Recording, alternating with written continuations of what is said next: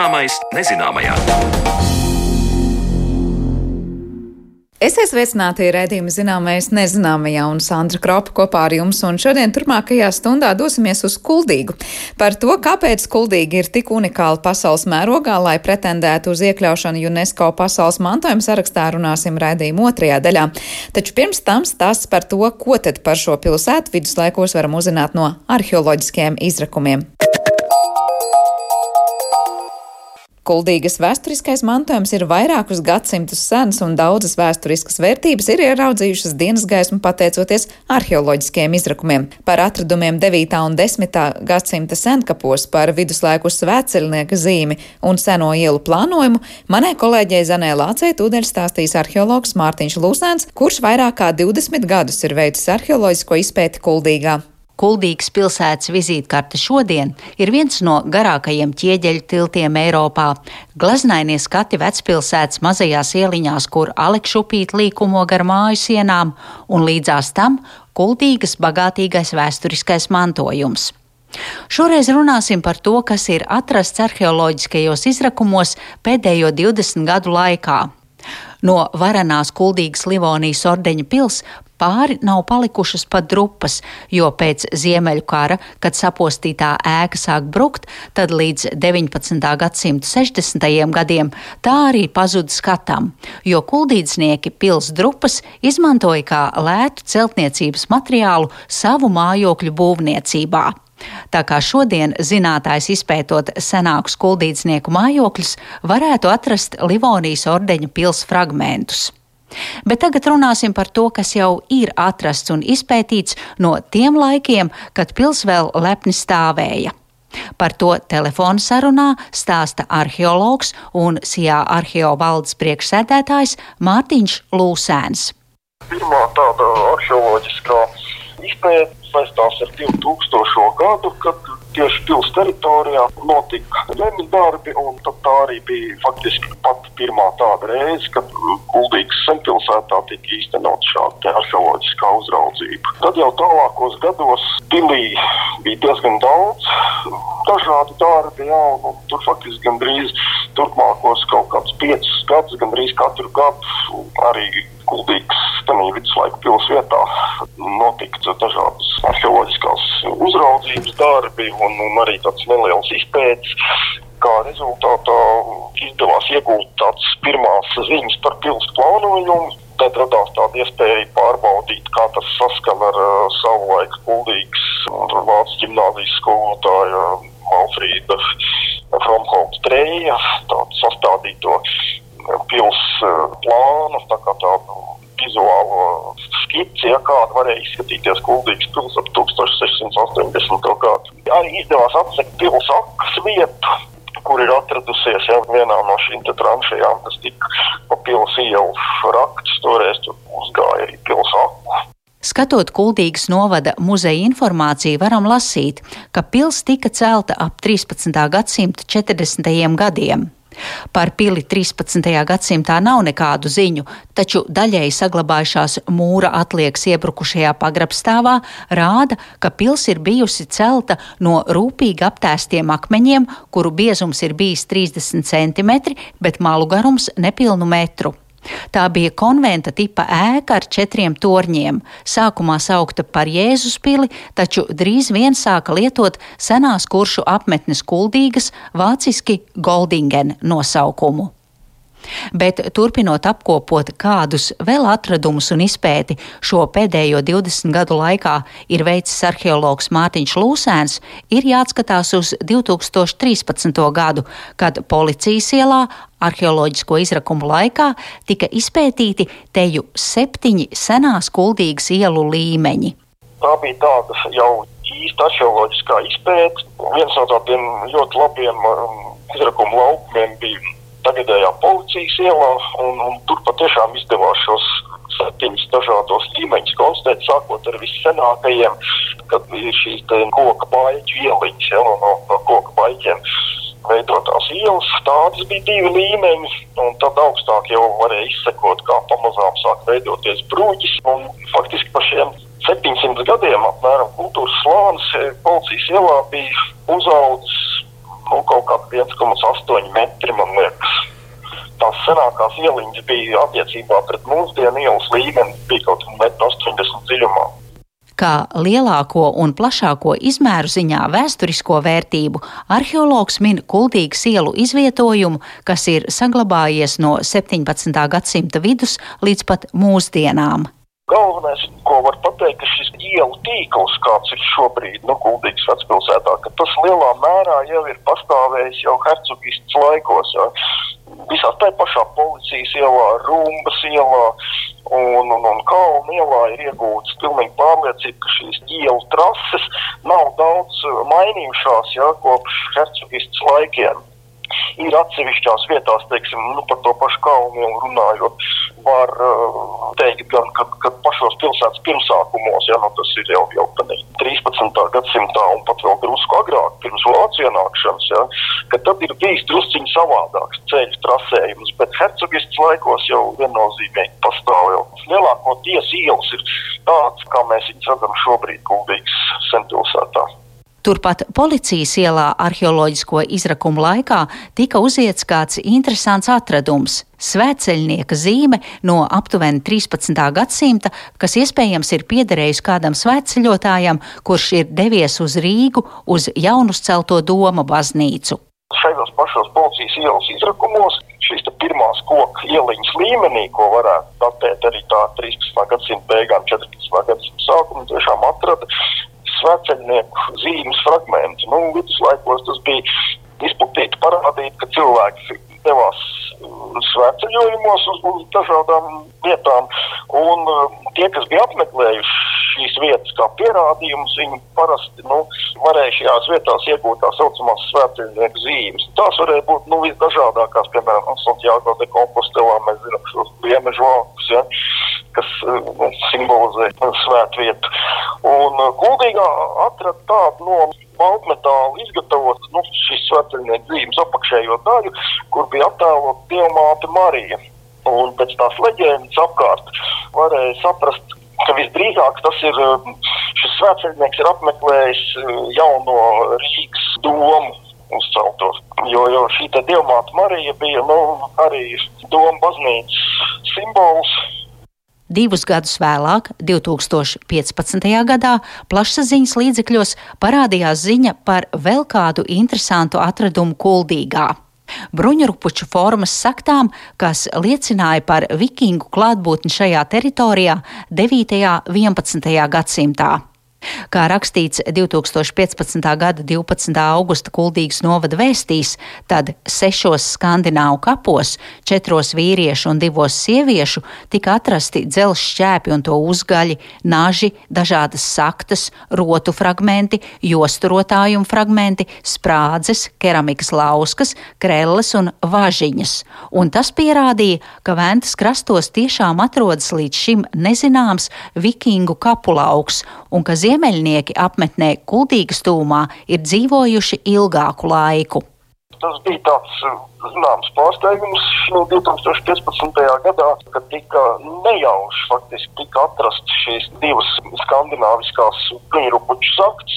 Nu, viņas sauc eh, par bruņurupuču saktām šīs saktu formas dēļ. Viņas atgādina tagad tā bruņurupuču bruņu to vāciņu, ja tāds ovāls ar dažādiem ornamentiem klāts. Un tās ir tāds tipisks skandināvs akts. Un tas tā kā deva tādu pārliecību, ka vietā, kur atrada šīs saktas, bija tāda ļoti tumša ogļaina zeme un, un arī neliela deguša cilvēku kaulu fragmenti. Un tas nu, ir ārkārtīgi tipisks nu, skandināvu apetījumiem, ka viņi savus mirušos sadedzina. Un, un tad tas deva tādu pamatu domāt, tur varētu būt šī apbedījuma vieta. Un tad tiešām ar kultūra kapitāla atbalstu izdevās veikt pētījumus divus gadus tajā vietā un, un tiešām konstatējām šos skandināviskos apbedījumus. Un tas bija tāds pirmo reizi, nu, tik tālu iekšzemē. Līdz šim mēs zinājām skandināvu klātbūtni grobiņā un, un arī nedaudz kurzemē Karventu, ja, Pabērskalns, Zlēkās un, un atsevišķas tādas vietas, ja, bet uh, skandināvi tie ieceļotāji būtu nonākuši tik tālu viduskurzemē, ja, tas tā kā bija pirmo reizi, un pēc tam vēl 2017. gadā, tad bija šādi līdzīgi skandināvu kapelauku atklāja vēl tālāk iekšzemē, tas ir tagadējām Turlavas pagastā. Tā kā šie divi tādi kapulauki liecina, ka tā skandināva aktivitāte kurzemē ir bijusi iespējams stipri lielākos apmēros, nekā mēs šim to vispār zinājām. Jautāja Mārtiņam Lūsēnam, ko viņš kā arheologs vēlētos kuldīgā izpētīt tuvākajā nākotnē. Un viņš atbildēja, ka visinteresantāk būtu ar plašāku un zinātnisku pieejamību atsekt tās pašas bijušās kuldīgas pils atrašanās vietu un tur sīkāk izpētīt tos laukumus. Visinteresantākais tomēr šķīst tāpat kuldīgas viduslaiku pilsvieta, ja, nu, kur kādreiz tomēr mēģināt veikt tur sistemātiskus izrakumus, nevis tikai nu, tādās uh, vietās, kur notiek nu, nepieciešamie zemes darbi. Bet nu, tīri tā ar, ar tādu zinātnisku pieejamību mēģināt tur atsekt kādus laukumus un izpētīt. Pils būtu tā vērta. Par vēsturiskiem atradumiem Kuldīgā stāstīja arheologs un sijā arheovaldes priekšsēdētājs Mārtiņš Lusēns, un ar viņu sazinājās mana kolēģi Zani Lāci. Bet par to, kā Kuldīgai veiksies, lai iekļautu to UNESCO pasaules mantojuma sarakstā, mēs runāsim raidījuma turpinājumā.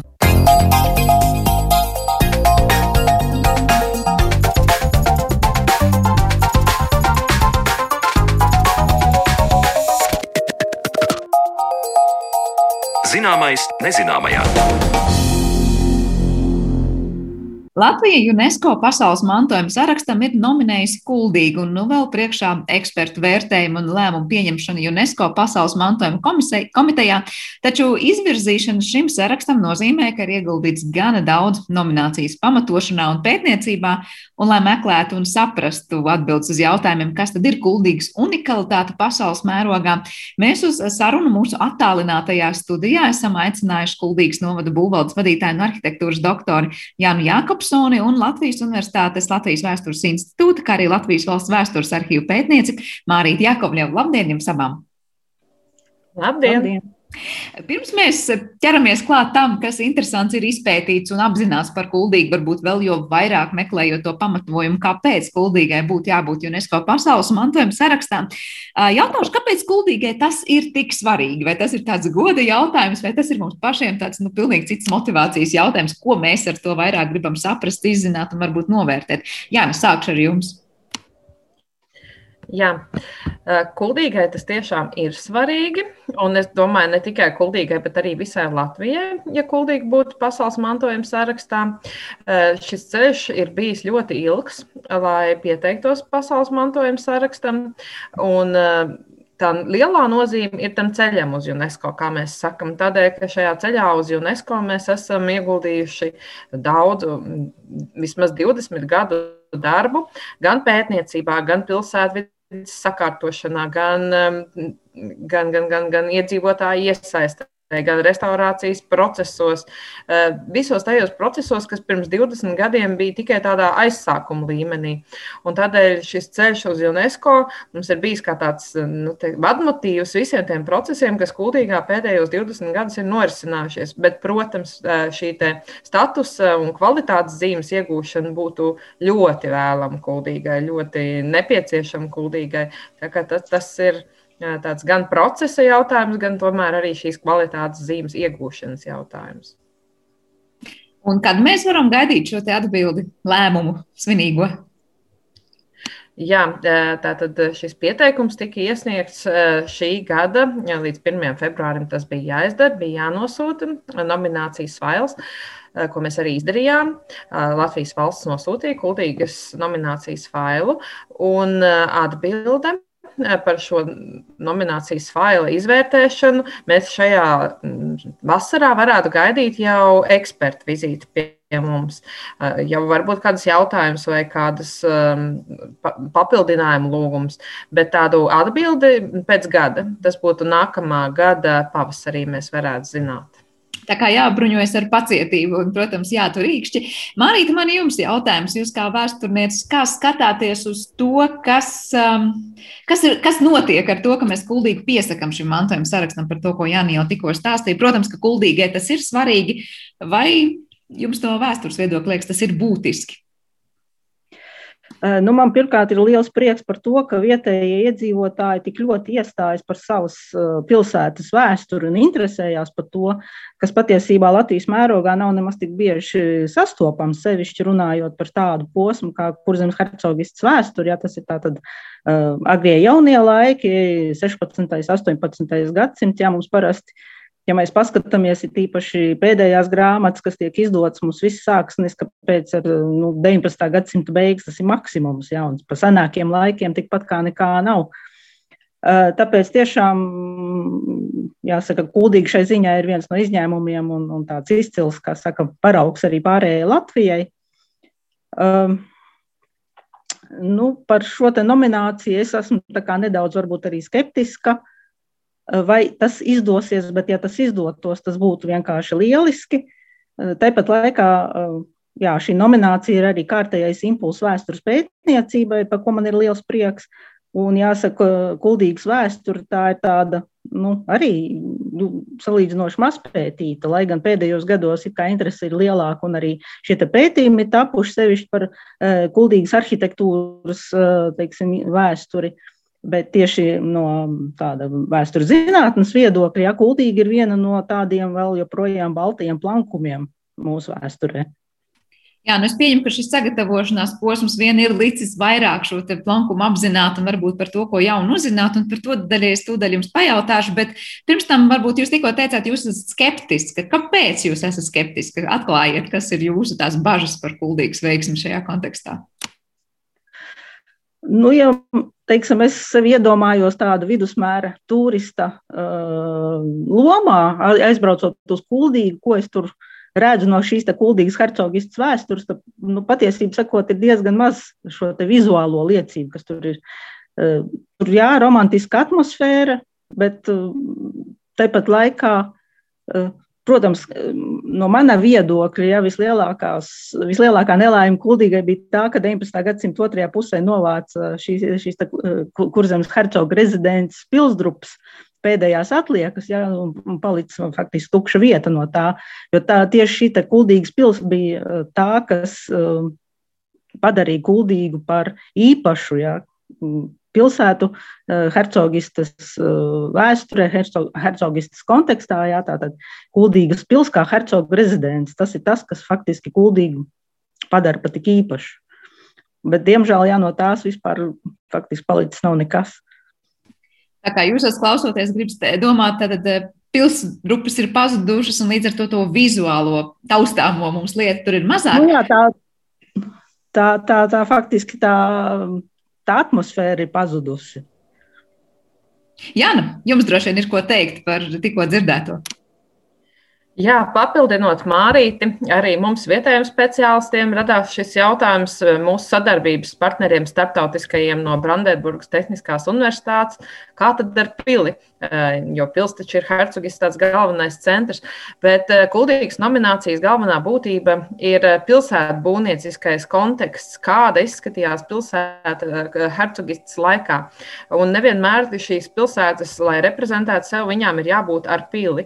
Un šī pils, ja viņi viņa būtu saglabājusies, atbildi no speciālistiem bija, ka tad tā būtu reprezentējusi tomēr Livonijas ordeņa pili, jo tā bija celta šajā laikā. Nu, protams, labi iekārtot hercogistas laikā un, un kā jau visu laiku pārējos laikos uzslāņojumu būvēt. Bet eh, šajā gadījumā eh, atbild no mūsu starptautiskajiem partneriem un speciālistiem ir, ka eh, šī pilsētu būvnieciskā situācija vislabāk nolasām tik un tā, un vienīgā vieta pasaulē, kur tā ir tā nolasām, ir kuldīgā. Kāda izskatījās pilsēta hercogists laikā? Protams, viennozīmīgi. Vēlāka laika posma attīstība arī kuldīgā ir nolasāma, bet, ja mēs salīdzinām šo te kuldīgas uh, pirmo plānu, 1797. gada senāko tātad, pilsētas plānu, ar to, kas ir saglabājies mūsdienās, tad no tā laika plāna ir saglabājies ļoti daudz. Mūsdienās šie uzslāņojumi nākuši klāt arī ir diezgan daudz, bet, piemēram, ielas no šī hercogistas laika plāna ir saglabājušās pilnībā. Šķērs ielas, ar nelieliem izņēmumiem. Laukumi saglabājušies ar nelielām transformācijām. Šī pilsēta aizsargvaļņu struktūra arī saglabājusies pilnībā un, un ēkas līdz 70% un to būvvietas. Tā kā īstenībā tā saglabātības pakāpe, kas var reprezentēt hercogisti, mūsdienās un vietām arī izjūtu līmenī ir visaugstākā Latvijā, bet pietiekami augsta arī mūsdienās, lai, lai varētu to vērtēt. Tā kā zināmā mērā tāda laika mašīna mums tomēr sanāk savām smadzenēm, viņa uzbūrta staigājot pa kuldīgas, varbūt ielām. Bet uh, es nezinu, jautājums jums vai Mārītei. Uh, jūs sakāt, tā ir tā hercoga laika, uh, hercogistas laika pilsēta. Vai tā pilsēta, kas ir hercogistas laikā, ir kaut kas pilnīgi atšķirīgs no tā, kā pilsētas veidoja būvēja pēc tam vēlākos vai pirms hercogistas laikos? Kas raksturo tā laika pilsētu? Marīt, sākšu ar jums. Um, jā, nu man grūti atbildēt, atbildēt jo e, kuldīgas kontekstā patiesību, patiesībā pilsēta arī veidojās jau viduslaikos. Jā, tā kā šis ielu tīkls jau zināmā mērā nāk no viduslaikiem, un, kā jau es uzsvēru, kuldīgu īpašu padara tieši šīs te, hercoga rezidents klāt, klāt esamība. Uh, Jā, jāpiekrīt, ielu tīkls tiešām ir saglabājies no senākajiem laikiem, un uh, šī, te, piemēram, Kalna iela dokumentos tiek pieminēta jau faktiski jau 17. gadsimtā, 17. gadsimta sākumā. Uh, tāpat arī viena otra cita iela, tirgus laukums, tas jau ir um, arī faktiski tajā pašā vietā, no vismaz no 16. gadsimta. Abas divas baznīcas, jā, tātad 1640. gadā celtā katoļu baznīca, jā, par kuru ir zināms, ka to ir tiešām cēlis. Tātad, tā ir celta pēc hercoga jēka rīkojuma. Katrīnas baznīca, ja, kur iegūst savu šo veidolu faktiski 17. gadsimtā. Un par pili runājot, jāsaka, ka tā jā, arī no vienas puses būvēta Livonijas laikā, bet um, tieši šo te eh, hercoga eh, klāta esamība, jā, hercoga galma esamība šajā te pilī eh, padarīja to par rezidenci. Un mēs arī zinām no dokumentiem, gan Hercogs Vilhelms tur dzīvo ilgu, ilgstoši ilgu laiku, ja Hercogs Jēkabs tur ir dzimis, tur ir mirusi viņa māte, Hercogiena Sofija, Hercogs Jēkabs šo pili daudzkārt ir uh, remontējis, pārbūvējis, uzlabojis. Uh, tā kā um, nevar teikt, ka teiksim, kuldīga ir tikai hercogistas laika uh, teiksim, veidojums, bet uh, tieši kuldīga vislabāk pašreizējos apstākļos reprezentē šo laiku un vislabāk tiešām ļauj atpazīt uh, to, kāda varētu būt izskatījusies, teiksim, hercogistas laika pilsēta. Jā, nu jums ir kas piebilstams par to, kāda tad ir tā specifika hercogistas laika pilsētām? Jā, par to, kā kultīgi izskatījusies hercogistas laikā, var spriest pēc dažādiem avotiem. Viens tas ir pēc šī pirmā senākā plāna vai pēc senākajiem grafiskajiem, grafikām, grafiskajiem zīmējumiem, kas parāda pilsētas panorāmu, un, protams, pēc raksta rakstītajiem avotiem. Un, ja mēs pētām šo pilsētas plānu, tad es jau minēju par to, šo saglabātības līmeni, plānojumu, lī, eh, plānojumu līmenī vai nu pilnībā, vai nu līdz pat 70% par ēku būvvietām runājot un eh, būvapjomiem. Eh, savukārt, ja mēs runājam par pilsētas panorāmu, tad skatāmies arī uz pilsētas panorāmu šie galvenie elementi - Ventas upe, rumba ar, ar zivju ķeršanas groziem pilsētas divas baznīcas, baznīca torņi un šī dzīvojamā apbūve arī ir saglabājuši savu raksturu.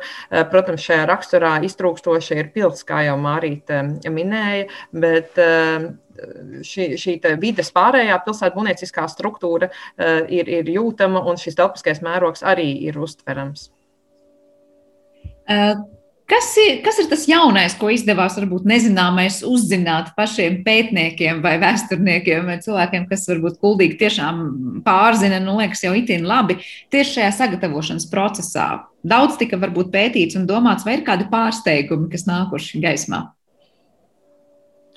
Nu, no tāda pilsētu būvnieciskā un arhitektūras viedokļa šīs hercogistes laika posms mums ir pārsteigums, ka tik daudz ir saglabājies no šī posma, jo mēs esam pētījuši kultūras pilsētu būvniecību, arhitektūru, ainavu, dabu aspektus eh, visdažādākos laika periodos, un, un, neesam tādi, līdz šim salikuši tādu kopējo kopainu par hercogistas laika posmu. Tādēļ šis eh, atklājums par to lielo saglabātības līmeni mums pašiem arī ir tāds kā, eh, tāds kā pārsteigums, patīkams, protams, pārsteigums.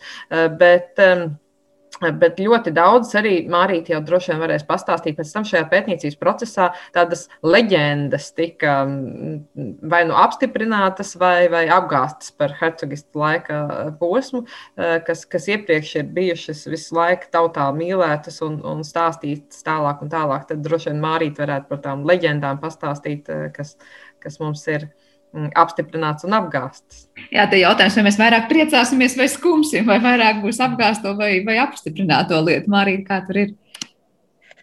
Nu, patiesībā, kā jau teicu, kuldīgas vēsture ir salīdzinoši mazpētīta, jo uh, visu laiku pētnieki līdz šim balstījās uz tām publikācijām, kas eh, tika izdotas jau 19. gadsimta sākumā, ja, un kur, protams, atbilstoši tā laika līmenim, tur ir diezgan daudz vēsturisko kļūdu, ja, kas līdz ar to ir aizgājušas tautā pēc tam kā leģendas, un pēc pētniecības gaitā skatoties, atklājās pavisam citas lietas. Nu, protams, viena no leģendām ir tā, ka Hercogs Jēkabs ir esot it kā kristīts uh, Katrīnas baznīcā, jā, nu patiesībā viņš ir kristīts uh, pils uh, baznīcā. Uh, otra leģenda ir par uh, hercogu jēkabu pirmajiem būvētajiem kuģiem Kuldīgā, jā, kas patiesībā norisinājās Liepājā, bet uh, tāpat laikā Kuldīgai nebūtu īpaši ko skumt par, par šīm te leģendām, jā, kas, kas neattaisnojās, jo ir pietiekami daudz interesantu lietu. Un Kuldīgi tiešām savā ziņā ir arī pārsteidzoša, teiksim, citu pilsētu starpā. Um, jo vēstures teiksim, pētniecības gaitā atklājās daudz interesantu lietu tieši par eh, pilsētnieku savstarpējām attiecībām, eh, par pilsētnieku attiecībām ar teiksim, hercoga varu vai arī šīs te varas teiksim, nesējiem. Man te bija tāds ļoti amizanti dokumenti, atradās no 18. gadsimta 20. gadiem, ka tātad um, Kuldīgā pastāvēja tāda no vienas puses hercoga tiesa, jā, tātad pirmās instances tiesa, kas rezidēja Kuldīgas pilī, un uh, tāpat laikā Kuldīgas pilsētai kā pilsētai bija savas jurisdikcijas tiesības, jā, tātad um, sava tiesa, ja, kuru reprezentēja rāte.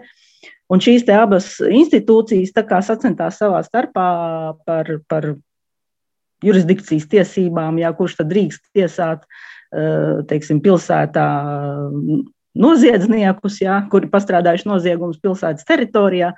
Un tad bija tāds gadījums, ka uh, pils tiesa notiesāja vienu noziedznieku, tātad piespriežot viņam pēršanu pie soda staba. Uh, savukārt šis soda stabs atradās netālu no Katrīnas baznīcas, pilsētas teritorijā, un tad pilsētas rāta kategoriski iestājās pret to, ka pilstiesa izmanto viņu soda stabu. Bet tā kā soda stabs bija vienīgais, tad, tad, tad abas puses nespēja vienoties. Uh, Pilsētnieki pat bija ar mieru, ar ieročiem rokās stāties un aizstāvēt savas tiesības un nepieļaut to, ka šis te, šī pilstiesas nosūtītais bende izmanto viņu soda stabu. Ja? Tā kā tādas uh, nianses pilnīgi kā mūsdienās varētu būt nesaprotams, ja, bet tajā laikā tā bija cīņa par savām tiesībām, uh, saka, jurisdikcijas tiesībām. Un, uh, jāsaka, savā ziņā arī pārsteidzoši par to, ka pilsēta iedrošinājās iestāties pret hercoga varu. Un hercoga vara arī neko nespēja padarīt. Jā, šis konflikts tā arī palika neatrisināts. Jā. jā. Tā, tā kā tādā ziņā ir daudz, faktiski vēl viss notiek, pētniecība ir, ir, ir, ir procesā. Diemžēl sakarā ar šo visu Covid situāciju jā, ir arī nedaudz apgrūtināta piekļuve vēstures avotiem. Viss vēstures pētniecības process arī iekavējies. Un, bet, kā saka, viss notiek un, un, un, un arī pētījumi tiks veikti tālāk. Jā, nu, varbūt klausoties, tiešām dažkārt liekas kāda detaļa, kur mūsdienu cilvēkam liekas, par ko tur vispār bija stāsts, bet tā laika pasaulē, tā laika cilvēkiem tas bija liels lietas. Jā, nē, es zinu, ka jūs te gribējāt kaut ko piebilst tikko. Jā, par pētījumiem un par to, to jauno, kas mums atklājās. Mēs strādājam kopā, kā jūs minējāt, starptautiskā komandā ar, ar vācu kolēģiem. Mēs pētījām arī salīdzinošā analīze Latvijas mērogā un pasaules kontekstā, kas ir saglabājies no kurzemes zemgāles hercogistes šī vairāk kā 200 gadu ilgušā posma pasaules vēsturē. Un, eh, un, un tad tāds eh, vai pārsteigums vai apstiprinājums jau, protams, bija arī tas, ka mēs izbraukājām visas eh, Latvijas pilsētiņas, ēkas, lauku teritorijas ar, ar tādu būvēm un, un salīdzinājām, ka ir tādi atsevišķi ļoti spilgti piemēri, kas var reprezentēt kurzemes hercogisti, bet, tāda, bet viņi ir tikai atsevišķi piemēri tādā, piemēram, Liepājā. Viena tāda iela, kas var no noliktavas reprezentēt, vai, vai, vai Ventspēlī līdzīgi. Eh, bet ehm, tādu kopainu šajā gadījumā nevar neviena cita pilsēta šādā veidā ilustrēt, tādēļ, ka šo pilsētu attīstības ceļi ir bijuši pilnīgi savādāk un, un šie vēlākie laiki posma attīstība ir, ir daudz vairāk um, atainota šajā pilsētā nekā hercogistas laika posma atti, attīstība. Un pasaulē, protams, atkal tika salīdzināts tas, uh, kāda ir hercogistes, um, kādas vēl līdzīgas hercogistas ir bijušas, un, un, un, un salīdzinājumi tikai viena hercogista Prūsijas tika izvēlēta. Jā, es tieši gribēju jums jautāt, kas ir tas kuldīgas fenomens vai noslēpums, nu, kāpēc ir izdevies saglabāt tik ilgi un tik ļoti lielā mērā visu to oriģinālo, kā jūs teicāt, tā laika pilsētas, gan būvniecību, gan, gan piemērs. Vai Mārīt, jums būs piebilstams par to, kas ir kuldīgas noslēpums, kāpēc mums tas viss tur ir atrodams nu, salīdzinoši lielā, lielā skaitā? Nu, iespējams, ka šeit savu lomu spēlē arī geogrāfiskais izvietojums, ka Kuldīga ir tiešām kurzemes eh, reģiona centrā. No vienas puses, no otras puses, tā ir apmēram tādā līdzīga attālumā no abām galvenajām hercogistas eh, tā laika ostām, Ventspils un Liepājas, jau caur kur arī norisinājās kuldīgas tirgotāja darbība galvenokārt. Eh, tāpat laikā jāsaka, ka kuldīga bija hercogu laikos slavena ar saviem amatniekiem, tieši tātad ne tik daudz kā tirzniecības centrs, bet tieši kā amatniecības centrs. Un arī interesanti tas, ka uh, kuldīga, sevišķi 18. gadsimtā un 19. gadsimta sākumā, kļuva par iemīļ, iemīļotu eh, kurzemes mužniecības eh, vietu, kur pavadīt ziemas. Jā, tātad vasaras šie mužnieki pavadīja savās mužās, bet ziemā sabrauc kuldīgā, jā, kur tad, kā saka, norisinājās arī visāda veida saviesīgā dzīve, tur teātri izrādes, koncerti un tā tālāk un tā joprojām. Un, protams, arī tas, ka Otrā pasaules kara laikā tomēr kuldīgi salīdzinoši maz cieta, ja mēs paskatāmies Jelgavu, ja, kas faktiski pilnībā tika nopostīta, tad kuldīgai šai ziņā tomēr paveicās. Paldies! Jā, ne? Jā, un papildinot Mārītas teikto, secīgi par vēstures posmiem. Par padomu laiku arī ir tā, ka Kuldīga bija viena no trīs Latvijas pilsētām, kas tika apzināti saglabāta arī padomu laikā, ja mēs to tā varam šo laiku posmu saukt. Un jau bija pirmā aizsardzības zona 1969. gadā. Tādēļ pārējā pilsēta attīstība, kas tika diezgan ievērojama šajā laikā, skarta Latvijas pilsēta attīstība, Kuldīgas šajā laikā attīstība tika minimāli skarta. Tādēļ, ka tā jau bija aizsardzības zona, un cilvēki jau ļoti rūpējās jau no 70. gadiem par, par kuldīgas vēsturiskā centra saglabāšanu. Un, protams, tas turpinās arī mūsdienās, un ir, ir, ir liela cilvēku komanda. Un, ja man kādreiz kāds jautā, kur, cik jūs pašvaldībā cilvēki strādājat pie vēsturiskā centra saglabāšanas, tad es vienmēr saku, man gribās domāt, ka nav neviena cilvēka pašvaldībā, kas nestrādā pie kultūra vēsturiskā mantojuma saglabāšanas kuldīgā, tādēļ, ka, un kuldīgas novadā tādēļ, ka visi ir iesaistīti šī mantojuma saglabāšanā, tā ir tāda neatņemama kuldīgas novada dzīves sastāvdaļa. Jā, bet man vēl jautājums par to zinātnisko darbību, kas bija iesaistīts. Jūs minējāt, ka arī Vācijas kolēģi nāca tālāk. Varbūt jūs varat ilustrēt, kā notika pati tā pētniecība, vai tā ir tāda starptautisku zinātnieku komanda, kas ar kādu savu īpašo interesi un pienesumu dalījās, piedalījās šajā procesā. Jā, šī nominācijas faila izstrāde un līdz ar to arī pētniecība ir tiešām starptautisks projekts, jo, jo mums bija nepieciešams šis pasaules konteksts, gan šīs vērtības atrašanā, gan pēc tam salīdzinošā analīzē un, un, un visu šo vērtību noformulēšanā tā, kā tas ir nepieciešams pasaules mantojuma saraksta pieteikumam. Un, un tātad tā bija Brandenburgas Tehniskās Universitātes pētnieku komanda, profesors Brits Rudolfs vadībā, ikomos eksperte, kas pati arī raksta un vērtē šos pieteikumus. Un, protams, mums arī notika zinātniskā konference pagājušā gadā par hercogistas periodu, kur mums bija gan vietējie pētnieki, zinātniskos pētījumus un lasījumus izveidojuši, gan arī starptautiskie pētnieki tieši par hercogistas laika periodu perioda dažādām liecībām, sākot no mākslas, kultūras, arhīva, arhitektūras uh, un vēstures liecībām. Tātad šis apskatītais pētījuma klase ir ļoti plašs, un šī mirklī mēs strādājam pie šī izdevuma zinātniskā uh, konferences um, materiāla izdevumu, kas arī būs tāds interesants. Mārīt varbūt var papildināt par tiem pētījumu rakstiem, kas tur tiks ievietoti zinātniskie rakstījām.